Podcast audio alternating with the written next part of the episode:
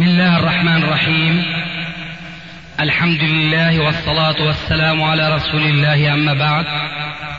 فهذا أحد أشرطة سلسلة الهدى والنور من الدروس العلمية والفتاوى الشرعية لشيخنا المحدث العلامة محمد ناصر الدين الألباني حفظه الله ونفع به الجميع. قام بتسجيلها والتأليف بينها محمد بن أحمد أبو ليلى الأثري. إخوة الإيمان والآن مع الشريط الثالث والثمانين بعد المئة الخامسة على واحد. نعم. قلت الأخ مراد يعني أرجو أن يكون يعني البحث كأنه شيخنا ما كان دار بلادكم بحث. نعم. لأنه حتى يعني يكون عند الشريط متكامل إن شاء الله. كويس. آه أنا بقول بالنسبة للأخ مراد آه هل البحث هو في المسألة بعامة من الناحية الشرعية؟ يعني هو موضوع الذهب المحلق هل هو حلال للنساء أم حرام؟ ولا شيء آخر؟ البحث في هذه المسألة بعينها. أحسنت. طيب. المفروض أنك ولا بد يعني درست المسألة من كل جوانبها. هذا ما أظنه في نفسي. وهذا الذي أقوله أنا أن المفروض أنك فعلت ذلك. نعم شيخنا. حسنا. إن شاء الله خاطرك. أبو أحمد لو تبعد الميكروفون شوي. ضعيف أخوي. فإذا كانت المسألة هكذا فأنا يخطر في بالي أن يذكر بعضنا بعضا ببعض القواعد الأصولية الفقهية التي يفترض أن تكون موضع اتفاق وليس موضع اختلاف. من ذلك مثلا نحن ندندن دائما وأبدا حول إذا تعارض حاضر ومبيح قدم الحاضر على المبيح. هذا إن شاء الله من القواعد التي نحن متفقون عليها. شيخنا يعني مبلغ علمي بالنسبة لهذه القاعدة أني لا أقول بتقديم الحاضر وإنما أقول الحاضر هو نص من عند الله. والمبيح نص من عند الله.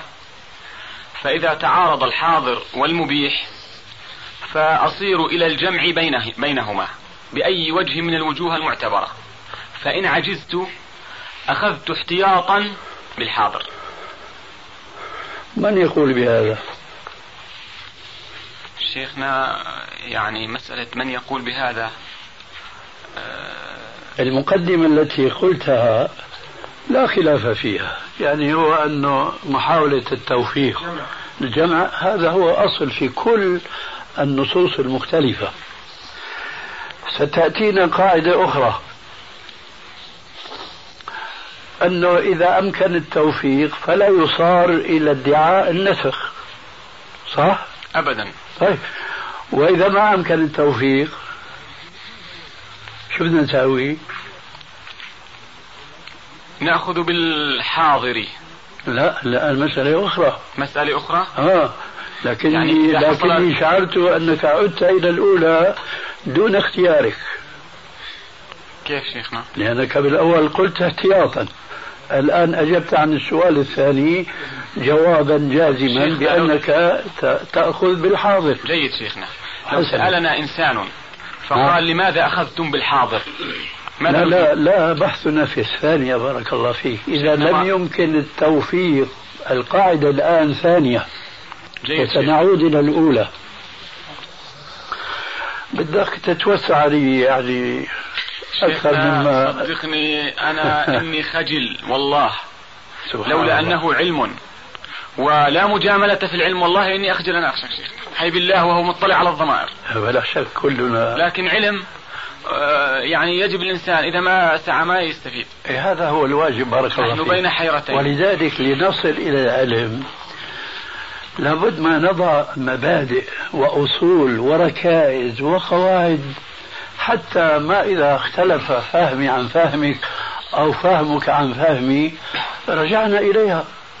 هل في هذا خطأ؟ ما في شك شيخنا. طيب فأنا سألت السؤال الأول فأجبتني بجواب كنت لا أظن أنني أسمعه منك. حيث انتهيت للقول آخذ بالحاضر احتياطا. في نعم. اسمح لي. قلت آخذ بالحاضر احتياطا. لأنه الأحوط. الأخذ به هذا قصدي.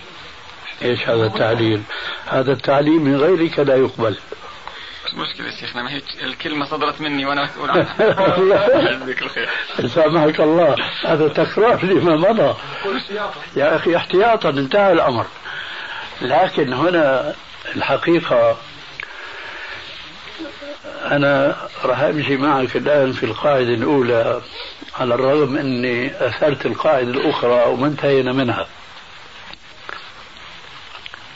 أنت لما تقول احتياطا لا بأس أوافق معك مبدئيا احتياطا. هذا الاحتياط واجب أم مستحب؟ شيخنا أنا كنت سأسأل سؤال بجيبك. أجي سأجيبك. واجب ولا مستحب؟ أرجو عدم الحيدة لا لن يكون حيدة لأن المقصود فايدة. المقصود الفائدة. إذا لن يكون أي حيدة. إذا إذا راح نضع مبدأ ثاني إذا سمحت. تفضل شيخ شو رأيك؟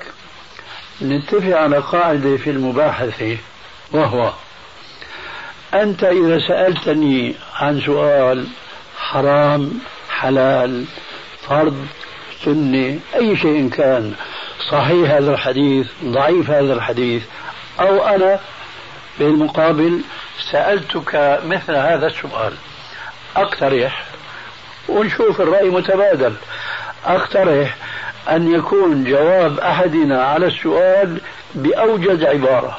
مثلا حرام ولا حلال؟ حلال. فإذا كان إذا سمحت إذا كان الجواب من باب وافق شن طبقة وافقه فعانقه في حاجة نعمل محاضرة؟ أبدا. بارك الله فيك. هذا إخوان المسلمين. فإذا أنا أرجوك أن نلتزم هذه القاعدة لأنه أولا سيريح أحدنا الآخر وسنوفر الوقت الذي نحن أحوج ما نكون إليه. نعم. فالآن سؤالي حينما قلت آخذ بالحاضر احتياطا أو وجوبا أم استحبابا لك أن تجيب بإيجاز فإذا كان على قاعدة وافق شن طبقة تعانقنا واتفقنا. وإذا كان لا والله اختلفنا إلك بقى كل الصلاحية أنك تشرح وجهة نظرك ثم بعد ذلك نبحث. نعم. فالآن أنت تأخذ بالحاضر احتياطا وجوبا أم استحبابا شيخنا أريد أن أجيب رغم لا يمكن أن أجيب إلا إلا أن أفصل فيها. لا الله يهديك. إذا نقضت الاتفاق. شو قال فيك ساعة ما زلنا على المعانقة. سامحك الله. شيخنا الإنسان الذي يدرس أصول الفقه ويعترض لهذه القاعدة. تعارض الحاضر مع المبيح. المبيح نص من عند الله والحاضر نص من عند الله. لم يمكن الجمع بينهما. تكرار لما مضى هذا. الأحوط عنده يرى وجوب عنده لكن لا يلزم الناس لأنه قد يجد يجد اعتراض قوي قد يعترض عليه معترض. حيدة. أنا أوجب حيدة. كيف شيخنا؟ الآن البحث بيني وبينك وأنا بيني وبين الناس. شيخنا بيني وبينكم لكن طيب لماذا. حشرت الناس يا أستاذ مراد هم السبب. لماذا حشرت الناس؟ بكفينا الآن واحد من الناس. جيد. يعود السؤال لا يزال قائما. والسائل يعني يسأل.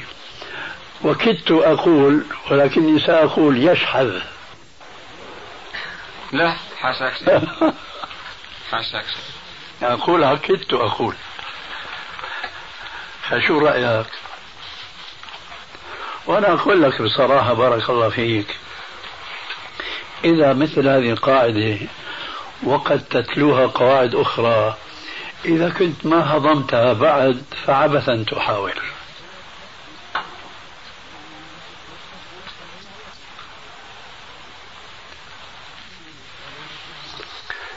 يعني راح يصيبنا ما أصبنا من خصومنا. من خصومنا في علمنا وقد لا يكونون في من خصومنا في أخلاقنا. قد يكونون معنا. ودا ومحبة إلى آخره. لكن ليسوا معنا علما إطلاقا. لماذا؟ لأنهم لم يدرسوا ما يحتاج علم معرفة الحلال والحرام. وأنت تعلم هذا يحتاج إلى علم أصول الحديث. حتى يميز الصحيح من الضعيف. يحتاج إلى معرفة أصول الفقه وقواعد هذا العلم حتى يستطيع أن يوفق بين قاعدة أخرى. شيخنا اسمح لي. يعني توقفي الآن. عندما سألتني إذا تعارض الحاضر والمبيح بحيث لا يمكن الجمع بينهما بوجه من الوجوه هل توقفي يدل على أني مثلا جاهل في هذه المسألة؟ طبعا أنا أريد أن أجيبك بأنني متوقف في هذه المسألة. لا يترجح عندي شيء. جميل. فكيف تريد أن تخوض في مسألة فيها حرام وحلال؟ وأنت هذه المسألة ما لك متخذ منها أو ما نقول هذه المسألة هذا الأصل. نعم شيخ. ما أنت متخذ موقف لأن منها. عندي جزما أن هذه المسألة التي هي الذهب المحلق ليس لها علاقة بهذا الأمر. كيف ذلك؟ شيخنا يعني أبدأ أب... أنا أقول اللي عندي؟ إذا سمحت أقول. لا بس بكون ظلمتني وما أريدك. أعوذ بالله من الظلم. وما أريدك أن تكون ظالما. ظلمات. أنا واقف طيب. إذا ننقض الاتفاقية السابقة كيف شيخنا؟ أن يكون الجواب بأقرب طريق ثم التفصيل. شيخنا إحنا على الاتفاق. طيب ما أخذت الجواب؟ جاوبتك قلت لك جزما هذه ليست عندي. أنت قلت أنه أقول بالأخذ بالحاضر احتياطا. أليس هذا جوابك؟ بس سألتني وج... أنا آخذ بالاحتياط. معليش معليش معليش. حتى ننهي النقطة ننتقل لغيرها نعم. فجاءك السؤال هل تأخذ احتياطا آه، استحبابا أم وجوبا؟ قلت لك متوقف. اسمح لي. لا لا ما لازم تنسى ما تكلمت إن شاء الله أنسيت ما قلت لك ما لك وللناس. نسيت؟ لا ما نسيت شيخ. فإذا ما قل ما قلت. أنت قلت بارك الله فيك. أنا آخذ لنفسي وجوبا لكن الناس ما أستطيع أن أفرض عليهم هذا الواجب. فقلت لك ما لنا وللناس الآن العلاقة والبحث بيني وبينك. فأنا أستطيع أن أقول أنك أنت بشهادة لفظك تقول أنا آخذ بالاحتياط أي بالحاضر وجوبا لنفسك. وأنا موافق. طيب فإذا كيف تقول أنا ماني مكون عندي رأي؟ شيخنا بالنسبة إذا سألني الناس قالوا لي ما ما رأيك في المسألة؟ ما نحن اقترحنا الناس بارك الله فيك. خلاص إذا طرحنا الناس طرحنا الاضطراب الذي حصل في الجواب. حسنا. إذا نحن الآن نتكلم معك على أساس أنه إذا تعارض حاضر ومبيح ولم يمكن التوفيق بينهما بوجه من وجوه التوفيق فالحاضر مقدم على المبيح نعم. اتفقنا على هذا؟ اتفقنا شيخنا. جميل جدا.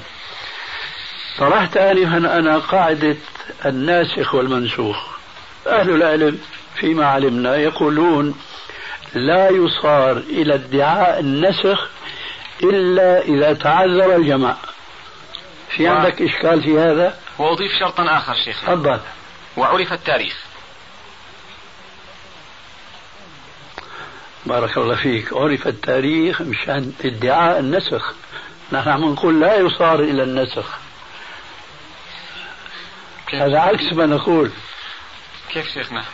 كلام الشيخ دقيق. إنه لا يصار إلى النسخ. الآن يعني هو الشيخ ينفي النسخ. أنت الآن بدك تثبت النسخ النسخ بعد معرفة التاريخ. آه. هذا عكس يعني نحن مريحين أنا الذي فهمته من كلام الشيخ أن النسخ لا يقال به إلا بعد الشرط الذي ذكره الشيخ اللي هو عدم.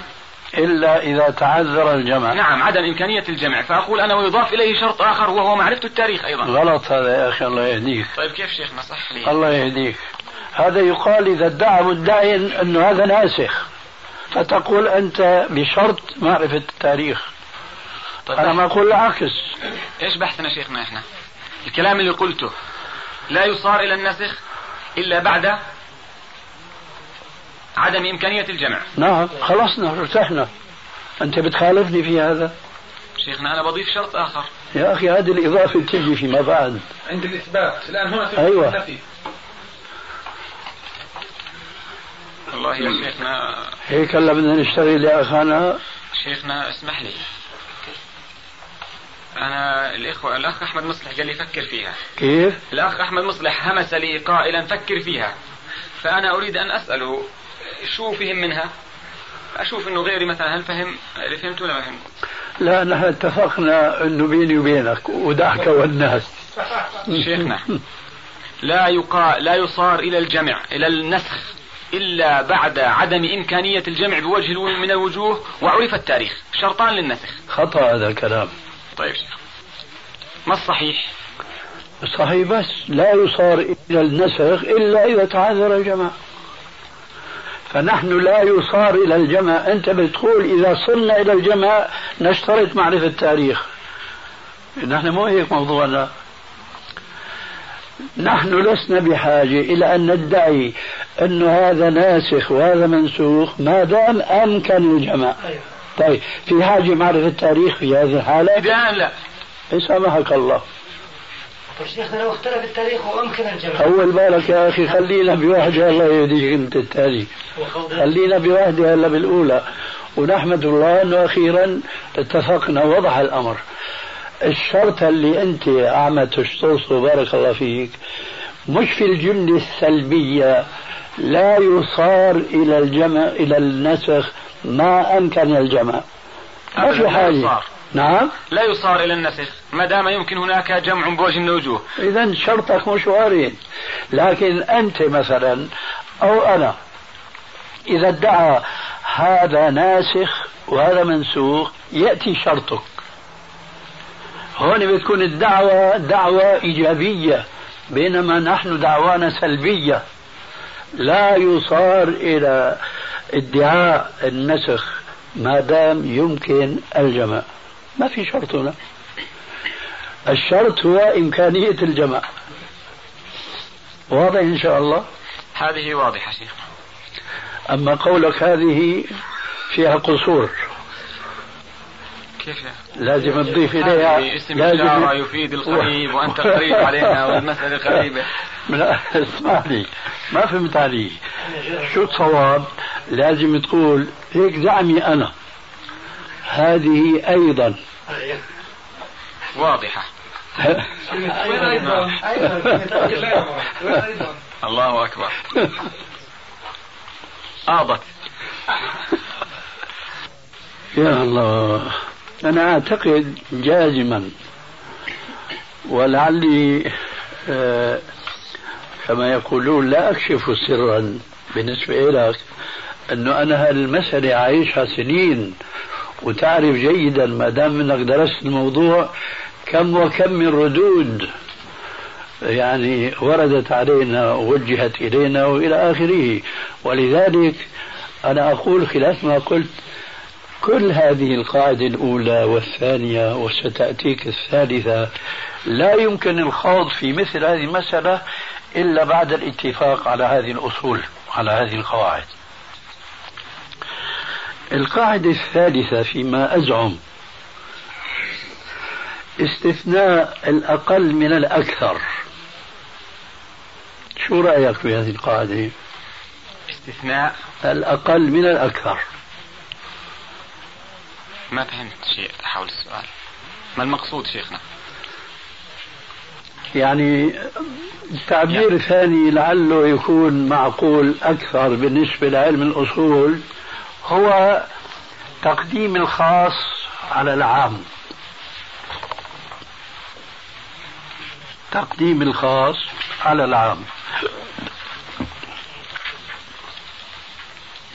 واضح؟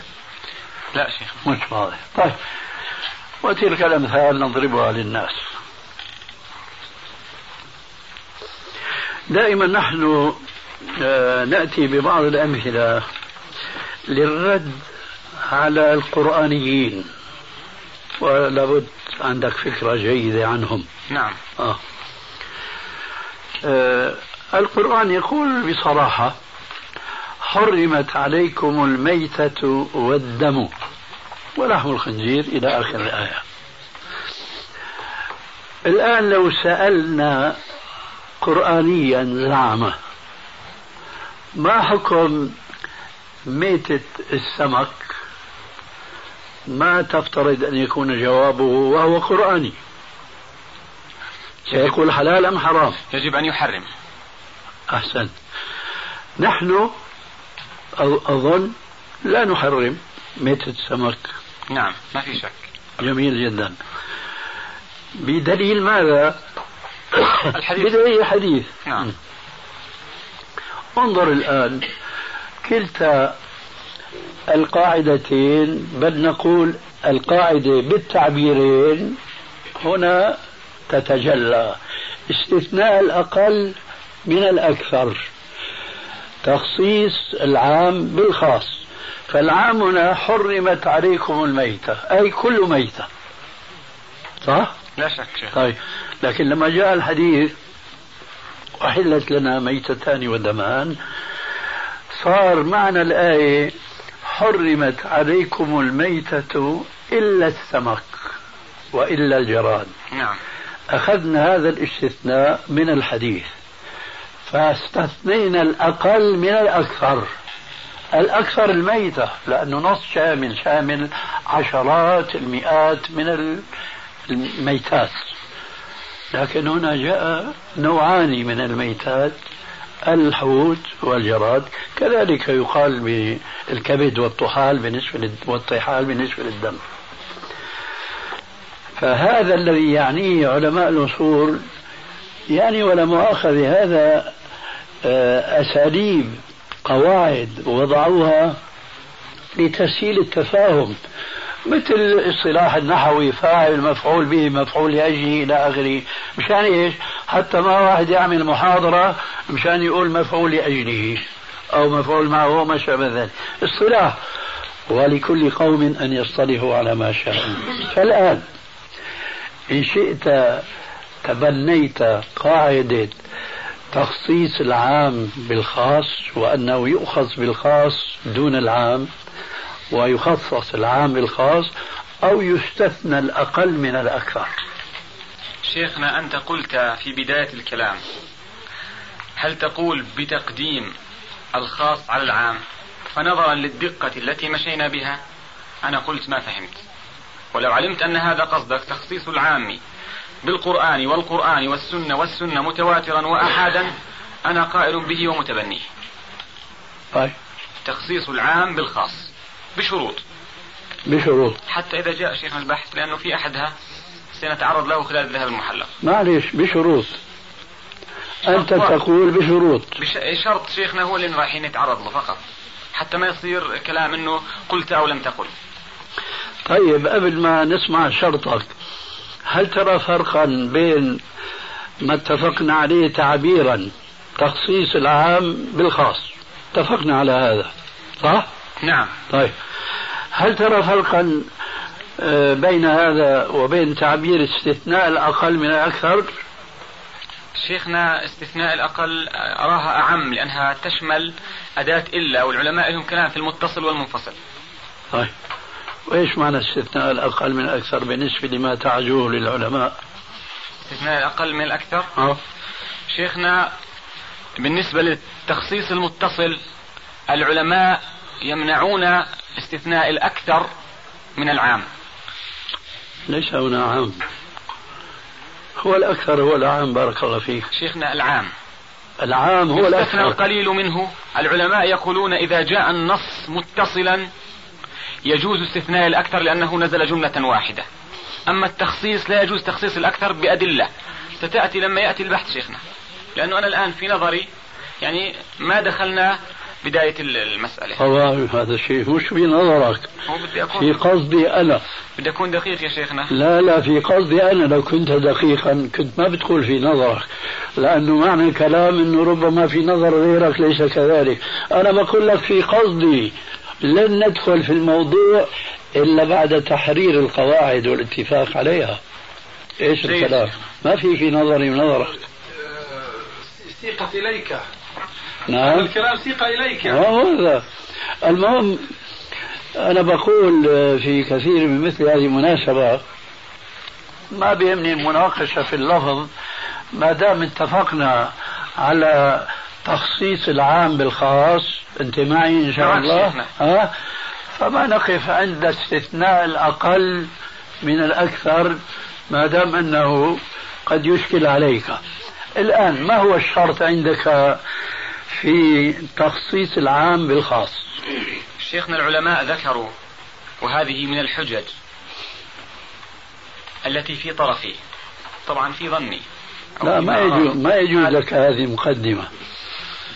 العلماء ذكروا أن لا أنه لا يجوز تخصيص العام بأكثره بحيث أن نخص منه أكثره حتى يظل اللفظ الذي سيق له اللفظ العام باقيا على مدلوله.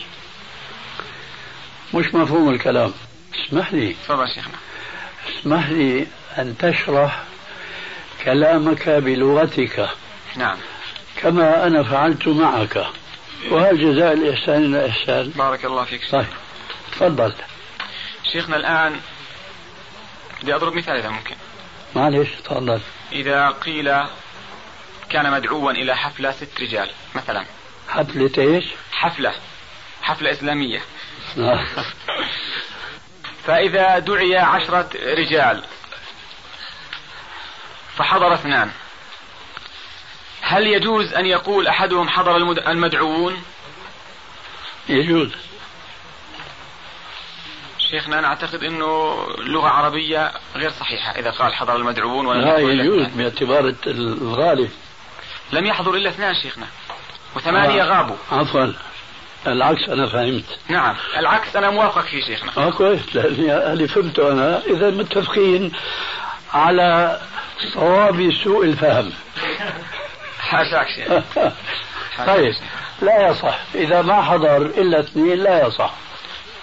فلا يجوز تخصيص العام اللي هو كلمة المدعوين بحيث لا يبقى لها دلالة على الموضوع التي جاءت له. لو بقي أربعة أو خمسة نقول نعم حضر المدعوون. المقصود خمسة أو ستة منهم من العشرة. طيب. نعم. وإذا بقي وإذا كان العكس صح. بلا ريب. أي. وهو أمثلته كثيرة في الشرع وفيرة. لا ما شيء. الآن حسب ما فهمت منك عاد جلبك القرص نحوك إلي. الحمد لله الإيثار مطلوب لكن ما جئت للإثارة طفالك الله يجزيك الخير آه. الآن اشرح الموضوع الآن. كما يقولون اليوم ضع النقاط على الحروف. بالنسبة للموضوع كله؟ أيوة موضوع الذهب المحلق. هل هل المحرم أكثر أم المباح؟ شيخنا. أرجو على الاتفاق السابق. نعم. الجواب المحرم؟ المحرم أكثر لا المحرم المباح أكثر. ما تراه؟ ما أراه جيد. ما هو؟ الجواب المباح أكثر وفق الكلام الذي قلناه. المباح؟ أكثر بالنسبة للنساء. كويس. وحل الذهب. إذا صح الاستثناء. شيخنا الاستثناء استثناء للأكثر. التخصيص. لا نريد أن نقول كلمة استثناء شيخنا. حسنا. بالنسبة لي التخصيص. التخصيص تخصيص للأكثر. أي نعم صح التخصيص. شيخنا ما يصح؟ لما؟ لأنه تخصيص للأكثر. لم يبقى شيء. كلمة الذهب اسم جنس جمع يا شيخ. اسمح لي اسمح لي. قولك لم يبقى شيء. يذكر. ما بتفيدك شيء يذكر. أنواع استعمال الذهب. محصور بثلاث أنواع. ولا يمكن استعمال الذهب في أنواع أكثر من ثلاثة على الأقل ما أقول بالعشرات مبالغة. يمكن استعماله في ما أراه جيد. ما هو؟ الجواب المباح أكثر وفق الكلام الذي قلناه. المباح؟ أكثر بالنسبة للنساء. كويس. وحل الذهب. إذا صح الاستثناء. شيخنا الاستثناء استثناء للأكثر. التخصيص. لا نريد أن نقول كلمة استثناء شيخنا. حسنا. بالنسبة لي التخصيص التخصيص. تخصيص للأكثر.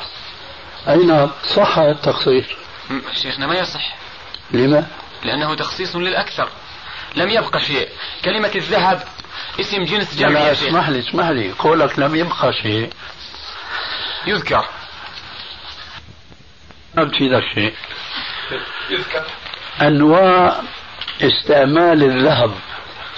محصور بثلاث أنواع ولا يمكن استعمال الذهب في أنواع أكثر من ثلاثة على الأقل ما أقول بالعشرات مبالغة. يمكن استعماله في أكثر من هذه الثلاث ولا لا؟ شيخنا خليني أجاوبك باللي عندي. لا. إذا عندي خطأ صححه لا لا. نعم. لا تنقض يكفيك نقض مرة مرتين أعوذ بالله ثلاثة من النقد بارك الله فيك.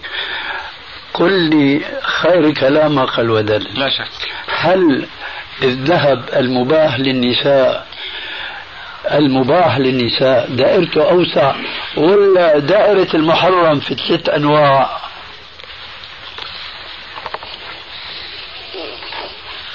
شيخنا ما فهمت السؤال الشطر الثاني. المباح أنت تعرف أن المحرم ثلاثة ثلاثة.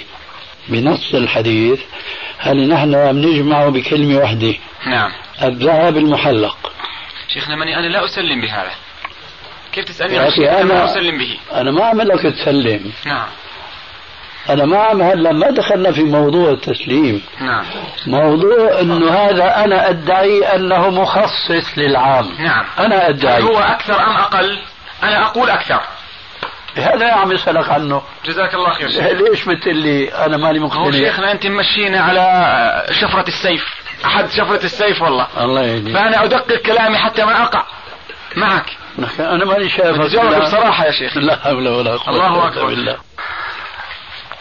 الذهب المباح كلا. نعم. كم بإمكانك أن تتصور في ذهنك الآن من الأنواع؟ خمسة عشرة عشرين أقل أكثر كل ما شئت. بس أوضح. كثير. كثير. آه، عشرة. شيخنا ماني عارف شو بدك تسأل. هي طريقة اللي بده يناقش ويوصل للحق إنك تعرف شو في عندي. هذا خطأ. هذا خطأ منك. شيخنا المكتوب لأنه أنت معناها الآن عم تصارعني مصارعة حاشا لله. لا بلا أنا ما أصارع،. أعوذ بالله. صحيح حاشا لله. ولكن فعلك يدل على هذا. بصراحتك انه ماني عارف. شو مانك عارف؟ راح يعني راح امعسك وادعسك كما يفعل المصارع يا ليت. والمباري والى آخره حتى يعرف كيف يلقي على أم رأسه. يا أخي مو هيك نحن موضوعنا. أعوذ بالله. شو بهمك أنت إنك تعرف أنا لوين اهدف أهدف. لهدايتك كما الله. تهدف أنت لهدايتي. ففكر في أسلوبك اللي بدلك وبيساعدك إنك ترشدني إلى الصواب حيث أخطأته كما أنا أفعل معك تماما. فتعبيرك هذا خطير جدا. شيخنا حقيقة خطير جدا. شيخنا لا مانع في البحث عندما تسأل سؤال. أنت تريد أن تقول الطوق والحلقة والإسوار ثلاثة أنواع. أنت كم تقول بأنواع الذهب؟ تريد أن تسألني هذا السؤال؟ ما لك ماذا أريد يا أخي؟ أنت خذ ما أريد من كلامي. تقول تريد أن نوع تريد سامحك الله. شيخنا. تريد أن تصل إلى ما في قلبي. أنا- لن تستطيع. أنا لا شك. أنا أطلب منك لماذا أن تعفو عني؟ في البحث بعدد الجالسين. كيف؟ أن تعفو عني في البحث إذا حصل مني تجاوز بعدد الإخوة الجالسين لأنهم كلهم عزيزين عليك. وبأكثر منهم. جزاك الله خير شيخ. بارك الله فيك. ما بدنا نقول بعدد الكتب المكتبة أنا عندي فرق سعر شيخنا. الآن أنا سألتك وما أجبتني. شيخنا أقول جوابي على سؤالك. أنها أنواع كثيرة. يعني تضطر من هذا السؤال. يعني بالحصر بعشرة لا أكثر. أكثر ولا لا حدود لها. أكثر مستحيل يكون لا حدود لها. أحسنت. أكثر من عشرة. أكثر من عشرة. طيب. فإذا استثنينا في رأينا نحن نعم. الثلاثة بيكون خالفنا القاعدة اللي ذكرتها آنفا عن العلماء. أنا السؤال هذا ما أعتقده صوابا. يعني هل يلزم مني أسلم بكل سؤال تسأله؟ يا. أخي في سؤال جدلي جدلي. يعني أنت إذا اقتنعت معي بتحريم هالأنواع الثلاثة بيكون خالفت القاعدة العلمية. شيخنا مش هذا قصدي. أنا عم أسألك. سؤال ما عم أسألك لا سؤال. ما خالفت ما خالفت. بارك الله فيك. التنزل وارد. اسمح لي. هذه قضية هيك ما نوصل لتفاهم إطلاقا. أنا عم أسألك إذا اقتنعت معي بتحريم هذه الأنواع الثلاثة خالفت القاعدة؟ لا ما خالفت شيخنا. هذا الجواب بارك الله فيك. فإذا أنا في حدود تصوري الذي آمنت بتحريم هذه الأنواع الثلاثة أكبر. شيخنا أصبر وما ما. صبرك إلا بالله. توهمت انها شيء ثاني. كيف توهمت؟ توهمت انها القاعدة إنه يجوز الإنسان أن يت... يعني يتبنى المذهب المخالف جدلا. مش القاعدة إنه استثناء الأكثر من الآخر. أخي أما أقول لك الله يهديك. أما أقول لك إذا اقتنعت كما أنا اقتنعت نعم. بتحريم هذه الأنواع الثلاثة. بيكون خالفنا قاعدة العلماء التي ذكرتها؟ نعم بنكون. هذا جوابي. سؤال. توهمت القاعدة. نعم شيخنا توهمت القاعدة إنه التنزل جدلا. معك. الله أكبر. يا أخي أنا مقتنع بهالاستثناء الثلاثة. نعم. أنا مقتنع. أما أقول لك بالنسبة لك جدلا بالنسبة لك نعم. أما بالنسبة لي ما في جدل في الموضوع. جيد شيخنا. أنا مقتنع بهالثلاثة هدول. جيد. فأنا خالفت القاعدة اللي حكيتها. نعم خالفت شيخنا. كيف؟ شيخنا المحلق يشمل الذهب معظمه. إيش معظمه؟ الطوق والإسوار والحلقة والقلب وكل هذه الأشياء. الله يهديك. كلمة المحلق. أنا من عندي جبت مهمة. إيه من عندك من عندك. حاشا لله. كلمة المحلق تعبير اصطلاحي. تعلم هذا؟ م. وعليكم السلام ورحمة الله وبركاته. وأنت ما لك دارس الموضوع كما أنا أحسنت الظن بك. شيخنا إذا تأنيت لأنك عم. تيجي تفكر بقضايا بديهية. في عنا قضايا شرعية وفي عنا قضايا اصطلاحية يعني هالقاعدة اللي قدمت لك إياها الأولى والثانية وإلى آخره والقاعدة اللي أنت شرحتها آنفا هل هذا شرع ولا اصطلاح من العلماء؟ اصطلاح شرعي. كويس. فأنا الآن كلمة المحلق هذا نص من الشارع ولا اصطلاح اصطلح عليه العلماء؟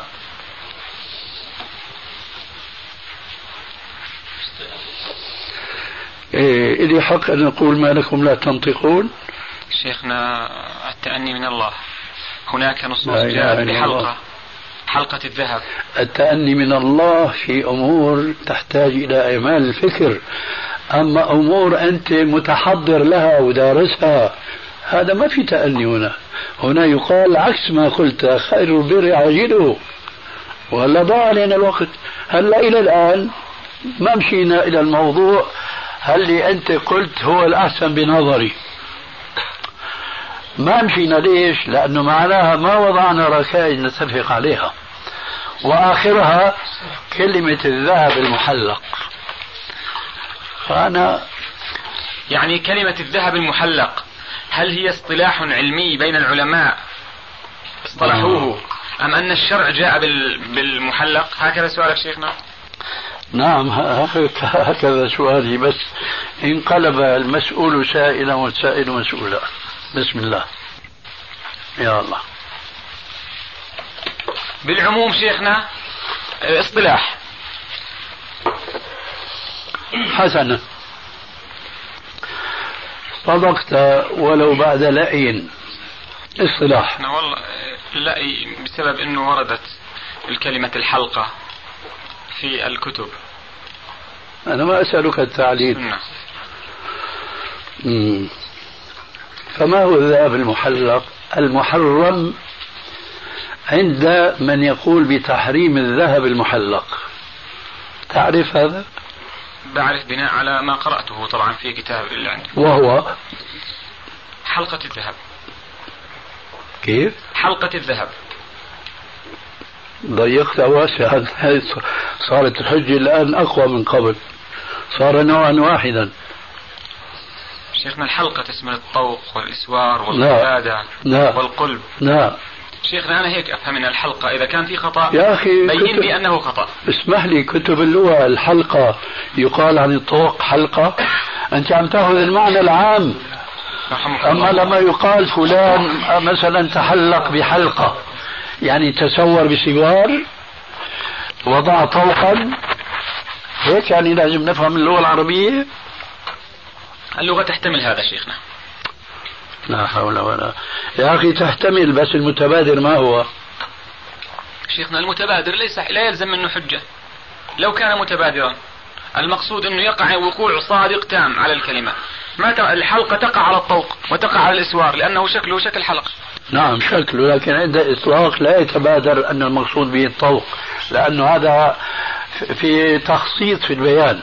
على كل حال ما ندخل في هذه المناقشات أنت آه لماذا لا توضح فتأتي بكلمة نتجادل حولها؟ يا ترى البيان أولى ولا الإغماض والتعمية. البيان. طيب تبين لنا ماذا تفهم من الذهب المحلق والذي جاء النهي عنه في الأحاديث ونختلف أنه هذا النهي عام ولا خاص ولا مطلق ولا مقيد ولا ناسخ ولا منسوخ إلى آخره. هل عندك فكرة جوابا عن هذا السؤال؟ شيخنا الذي فهمته وجئت أناقش من أجله أيوة. هو طبعا ما قرأته في كتابيك أو كتبك نعم. وهو أن الحلق الحلقة بالشكل الدائري أيا كانت هي محرمة. لا ليس كذلك. جيد شيخ لأن نحن أتباع نصوص ولسنا أتباع فلسفة نعوذ بالله خاصة إذا كانت الفلسفة قائمة على الاصطلاح. جيد. مثلا أنت بتعرف أن الفقهاء آه، بفرقوا بين المحرم وبين المكروه. صح؟ بلا ريب. طيب. لكن هذا التفريق اصطلاح طارئ. أما القرآن لا يفرق. تدري هذا؟ لا يفرق القرآن بين الحرام والمكروه؟ أيوة. للمكروه عدة معاني. ما أجبتني على الطريقة التي اتفقنا عليها. يفرق لا يفرق. والسنة كذلك شيخنا؟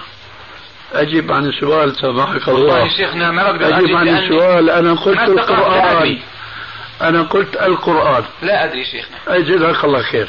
نضرب عن هذا صفحا ويجب أن تدري أن القرآن يقول كل أولئك كان عنه مكروها يعني في الأشياء المحرمة من الفاحشة والزنا وإلى آخره. جيد شيخنا. نعم. أنا هذا أعرف اللي قلته. أنا أعرف الذي لا أعرفه أنه هل كل آيات القرآن التي يرد فيها كلما, كلما أطلق الكراهة في القرآن فهي تعني الحرام.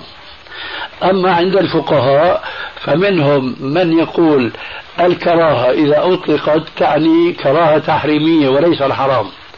ومنهم من يقول كراهة تنزيهية وهذا مذهب الشافعي ولسنا في هذا الصدد على كل حال. هم شيخنا هذه جملة معترضة. هم للإنصاف شيخنا يذكرون أن الكراهة تأتي بمعنى التحريم. ويبينون والكراهة تأتي بمعنى خلاف الأولى والكراهة المصطلح عليها وبينون مصطلحهم ما الفرق بين كلامك الآن وكلامي السابق كلامك السابق الآن ما الفرق؟ قلت إنهم الفقهاء بيقولوا كراهة تنزيهيه وكراهة تحريميه. إي نعم. وكلاهما مصطلحان شيخنا عندهم. ما الفرق أقول لك الله يهديك بين ما قلت وما قلت؟ لأنك الآن أنت لما قلت معناها عم تقول شيء ما قلته أنا بينما الذي قلته هو الذي قلته أنا. أنا عم ألفت نظرك أن هناك فرق بين اصطلاح القرآن واصطلاح الفقهاء ولا بأس من اصطلاح على شيء بشرط أن لا يضرب بذلك اصطلاح الشرع يعني لا يجوز أن نفسر الآيات على اصطلاح الشافعية مثلا. أنه المكروه هو المكروه تنديا يعني ليس حراما. ما يصح المهم نحن نقول الذهب المحلق ليس بالمعنى العام. فالحلقة التي تعلق هنا حلقة لحد تعبيرك أنت ولكن ليس يحلق على العضو. فنحن عندنا المحرم بالنصوص ونعبر عنه بالذهب المحلق. هو الخاتم هو السوار هو الطوق بس. واللي بالرجل شيخنا الخلخال؟ لا نحرمه إلا قياسا. نحن عم نقول لك الآن بالنسبة للنصوص. جيد شيخ. آه لأنه في فرق واحد بيناقشنا في النص وآخر بيناقشنا في القياس. نقول له القياس أمر سهل له شروط له كذا إلى آخره. ثم القياس متى يصار إليه؟ لما نتفق على المقيس عليه. صح ولا لا؟ فإذا كنا ما متفقين على المقيس عليه فالقياس غير وارد إطلاقا. عند المخالف. نعم. عند المخالف غير وارد. عند المخالف عم نقول هلا أيضا نحن بنقول شو معنى الكلام؟ أنا عم أقول هذا السؤال يأتي بعد الاتفاق على المقيس. شو المقيس؟ الأنواع الثلاثة اللي ذكرناها، نحن ما متفقين على هذا، صح؟ لا شك أننا مش متفقين. نعم؟ غير متفقين. فإذا القياس مش وارد. هذا معنى كلامي ومعنى كلامك. فالآن الذهب المحلق هذه الأنواع الثلاثة هذه أقل أم المباح شيخنا هي أكثر ما يستعمل من الذهب حتى أنا والله أعلم أنه أكثر ما يستعمل لكن هذا الاستعمال نابع من توجيه الشارع الحكيم أم من غلبة العادات والأهواء والتقاليد هذا موضوع لسنا مكلفين للخوض فيه نعم. لكن من حيث الاستعمال إذا أراد الإنسان المسلم أن يتمتع بما أحل الله له من الذهب الحلال بالنسبة لنسائه وحريمه هل أنواعه أكثر أم هذه الأنواع الثلاثة بعد ما وضحنا لك؟ هي الأكثر شيخنا. نعم. الثلاثة هذه هي الأكثر. هذا يخالف قولك السابق. وهو أنه عشرة وزيادة. شيخنا أنا قصدت بعشرة. وهذا آه. الشيء كنت أكلمك عنه لكن أجبرتني إني أجاوب بعشرة وب12 وب20 سامحني. هذه العشرة و12 وال20 سامحني على ما تقول أني أجبرتك. آمين. نعم. العشرة أو العشرين. آه. كلها لا تتجاوز صور هذا الشيء الموجود. أنو صور. يا أخي ليش عم ترجع الموجود؟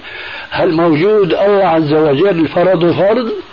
ولا ما بدنا نقاش لا. هذا واقع. طيب هذا الواقع بقيد الشرع بحكمه بضيقه؟ ما بضيق الشرع. فإذا ليش عم ترجع للواقع؟ أنا الآن في حدود الشرع بقدر زوجتي بنتي حليها بأشكال وألوان فوق ثلاثة هل تستطيع أن تقول أنت لا؟ أنا بجاوب عنك وإذا أخطأت صحي أنت تقول لا تستطيع وتقول تستطيع. وتفسير هذا الإجمال لا تستطيع إذا تقيدت بالواقع. لأنه هيك الواقع. وأستطيع إذا انطلقت أنا من هذا الواقع. وليس هذا واجبنا. نحن معشر أهل السنة والجماعة أن ننطلق من هذا الواقع وأن نرتبط مع الشارع الحكيم. هذا هو الواجب علينا. فإذا لماذا بارك الله فيك أنت تلجأ إلى الواقع؟ شيخنا أنا ما ألجأ إلى الواقع إلا لأنه كيف يا أخي؟ أنت عم تقول هيك الواقع؟ شيخنا ماني ما كمل كيف؟ سبحان الله. أنت اللي قلت الواقع. بعدين بتقول لي ما ألجأ إلى الواقع. كيف؟ قلت لأنه شيخنا هو الاستعمال للباس الواقع. إيش قلت؟ الواقع. وبعدين بتقول ما ألجأ إلى الواقع. سامحك الله. طيب ارجع لسؤالي. أنا أستطيع أن أستعمل الذهب المباح في حدود اعتقادي بتحريم الذهب المحلق. أستطيع أن أستعمله بأكثر من عشرة ولا عشرين. أو على الأقل حقق يعني نسبة أكثر وأقل. اللي أنت عم تدندن حولها؟ أرجو أن أحظى بالجواب. أستطيع أو لا أستطيع؟ أنا أقول لا تستطيع. لما؟ لأن استعمال الذهب لا يتجاوز هذه الأمور إلا بالقليل. يا أخي هذا دعوة الله يهديك. شيخنا اثبت لي بطلانها. حتى أفضل نقطة. كويس. هذا بيذكرني بنكتة بحكيها لإخواننا ببعض المناسبات. كان عندنا شيخ فاضل في سوريا في دمشق. طبعا يومئذ كان شيخا كبيرا مثلي وكنت أنا شابا مثلك. بلا تشبيه طبعا المقصود؟ نعم شيخنا بلا تشبيه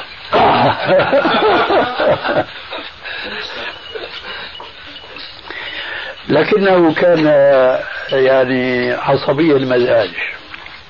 لكنه كان شجاعا كان جريئا كان يقول أنا أتعجب من هؤلاء الصوفيين والمقلدين وإلى آخره.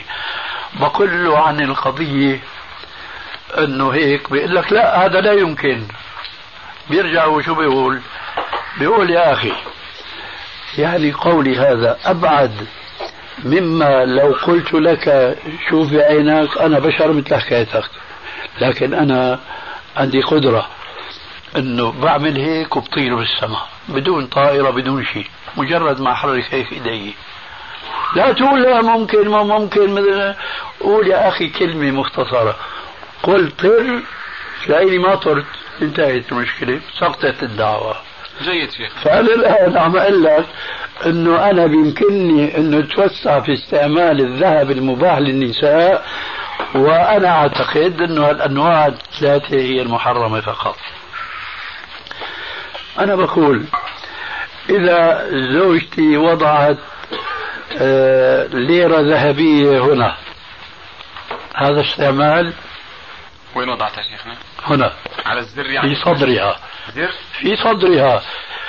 لا تناقش. راح أقول لك هون راح أقول لك هون راح أقول لك هون. راح أقول لك وين ما كان. لأنه مو هذا موضع النقاش. تعتبرها صور متعددة شيخنا؟ إيش؟ تعتبرها صور متعددة هذه؟ أنا خلاص كلامي الله يهديك. خلص. الله يهديك. أنت هلا شغلتنا بأمور جانبية. وين؟ وأنا أعمل لك هون. ليش وقفت عندها وبعدين كان تقف تقول هي هي تعمل ما صور مانع إحنا كل نقاش حول الاستعمال. دون بدي أشوف كيف ثبتها هي كمان أحلى الله الله أكبر. كيف أبو ليلى بثبت الميكروفون على صدر الشيخ؟ آه. هذا لا هي مشكلة يعني الظاهر مشكلة بس هذا دليل مش مفكر في الاستعمال الحلال. شيخ لا. مش مفكر. أخلع ال... والأمامي كمان ها؟ لا. كم ألم فيه هول حدود آه، خمس 12 بجوز بدهم يكونوا ذهب هذول؟ هدول بجوز طبعا ما غيرهم. لا شك. بجوز زوجتي تستعملهم؟ بجوز شيخنا. كم لون هدول كم كم شيء؟ لقد حجرت واسعا من رحمة الله. شيخنا أنت تعد 12 قلم. أنا بقول لك والسواره 40 سوارة كمان. أكثر صارت. شو دخل هذا يا أخي؟ الله يهديك. جنس. شو جنس؟ يعني لو ألف قلم هي استعملت القلم. طيب بس هذا القلم. ألف قلم مو هيك عم تقول؟ نعم. قلم حبر وقلم رصاص. كله اسمه قلم. لكن هذه مو أنواع. وراح أقول لك شيء ثاني. شكله شكله من ذهب وشكله أخرى من نوع ثاني هي شكلي وهي شكلي. نعم. هذه مو أنواع؟ أنواع شيخنا طيب. مشط من ذهب تغرزها بالشعرة تغرزها في أي مكان. هذا مو نوع؟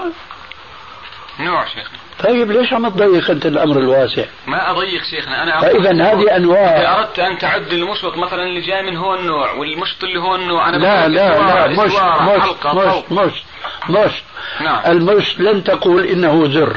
نعم. والزر لن تقول إنه ليرة جنيه ذهبية وعلى ذلك فعل لكن كلها أقول أنها الأقل.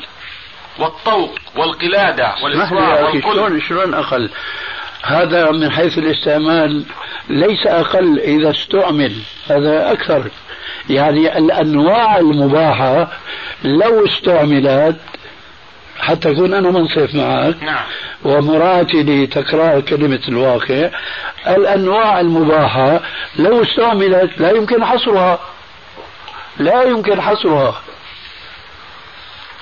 والله اسمح لي شيخنا. هذه المسألة التي ذكرتها أنا هي آخر حجة عندي. آخر حجة. ما لي ولها أنا بدي أحل نعم التقديم الأولى أولى شيخ؟ أنا بدي أحل شلون؟ يعني في الآن هذه الحجة من ناقش فيها أنه الأكثر والأقل. بنيت على معلومات سابقة. عندي بس هذه المعلومات قائمة على أدلة شرعية.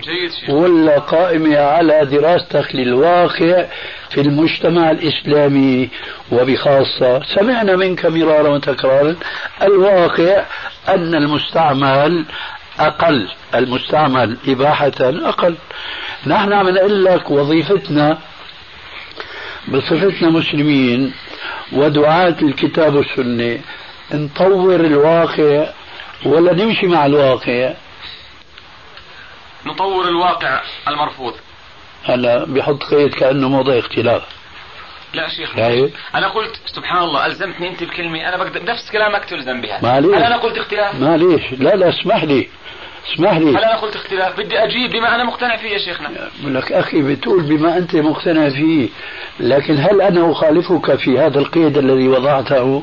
هل يلزم من ذكري له أنك اسمح مخالف؟ لي اسمح لي ليش ما بتجاوبني؟ قول لا على ما اتفقنا عليه. لا أدري شيخنا إنك مخالف ولا لا. ما انتبهت يعني. ما التفت. هو بدنا نجاوبك بالصدق شيخنا. جزاك الله خير. جزاك الله خير جزاك الله. خير. آمين. لكن هذا ما بيقرب التفاهم بارك الله فيك. أنا بعيد على مسامعك لماذا أنت وضعت قيد المرفوض؟ لا. لأنه أنا بخالف فيه أنت بتعرف يقينا أنه ما منخ... ما بنختلف في هذا. لكن قد نختلف ما هو المرفوض وما هو المقبول. وهذا موضع ال- النزاع. لكن أنت قلت نطور الواقع والعبارة نطور. مظلمة. لا أعوذ بالله. شوف اشهدوا عليها. اشهدوا عليه لأنه نفد القبر. طف الصاع. طف الصاع سامعك الله. لا حول ولا قوة إلا بالله. البطارية بس آه طيب. بطارية قلت ما المعنى ش... ما المانع شيخنا أن أبدأ أنا بذكر الحجج التي عندي؟ نعم. ابتداء. لا مانع عندي. لكن أسألك عن قناعتك الشخصية. نعم. بعدما قرأت كتابي والردود التي وردت علي هل عندك شيء جديد؟ نعم شيخنا طيب أنا قرأت الردود وفيها ما معلش معلش قرأت ما- بعض الردود. يا أخي ما بدي شرح ما بدي شرح أنا عم أسألك. عندك شيء جديد؟ قولي ما بدي شرح إذا تجاوزت كمان أنت لا تشرح في اللابدية هو ما هو مثل ما بدك خلاص بس قولي ما بدي أنا أسكت فورا لي، حكيت. طول علي شيخنا يا أخي بارك الله فيك مثل ما أنا بلزمك بالمبدأ اللي اتفقنا عليه أنت ألزمني به أيضا حينما تراني خرجت عنه. الله يبارك فيك. فأنت ما سألتني. سؤال وعملت لك محاضرة. اللي نشوف. سألتني سؤال عملت لك محاضرة؟ ولا التزمت بنعم أو لا. لكن ما عم تجي منك أسئلة تراني أني خرجت أو ما خرجت. بينما جاءتك أسئلة مرارا وتكرارا وأنت تحيد عما اتفقنا عليه. الآن أنا سألتك هل فيما تظن فيما عندك إذا أنا وافقت على عرضك المقترح آنفا؟ جئت بشيء جديد لن تسبق إليه؟ قلت نعم. في الذين ردوا. نعم. من الذين ردوا. من الذين ردوا أو الذين ما ردوا؟ من كتب العلم. إخوة الإيمان تتمة الكلام في الشريط التالي. فاهم. في عندك شيء جديد؟ حول المسألة نعم. آه. طيب. أنا الآن حتى ما نوسع دائرة إلقائك محاضرة لأن هذه معناها بدنا نسمع الليلة محاضرتك ونعقد جلسة ثانية مشان نرد على المحاضرة. والله يا شيخ. اسمح لي والله أحب الإيجاز يا شيخنا. ما- نعم. أحب الإيجاز. ألزم نفسي به. وأنا ماذا أحبه؟ الذي وضع لك تلك. القواعد. الذي وضع تلك القواعد والمبادئ. يحب التفصيل أم الإيجاز؟ شيخنا إن شاء الله تفصيلك ببركة بإذن الله. ما, ما يجيب. ما يجيب. هل تريد أن نعاملك بمثل ما تعاملني به؟ شيخنا ليس منا من لم يرحم صغيرنا. فويل للمصلين. صدق الله العظيم. بجوز؟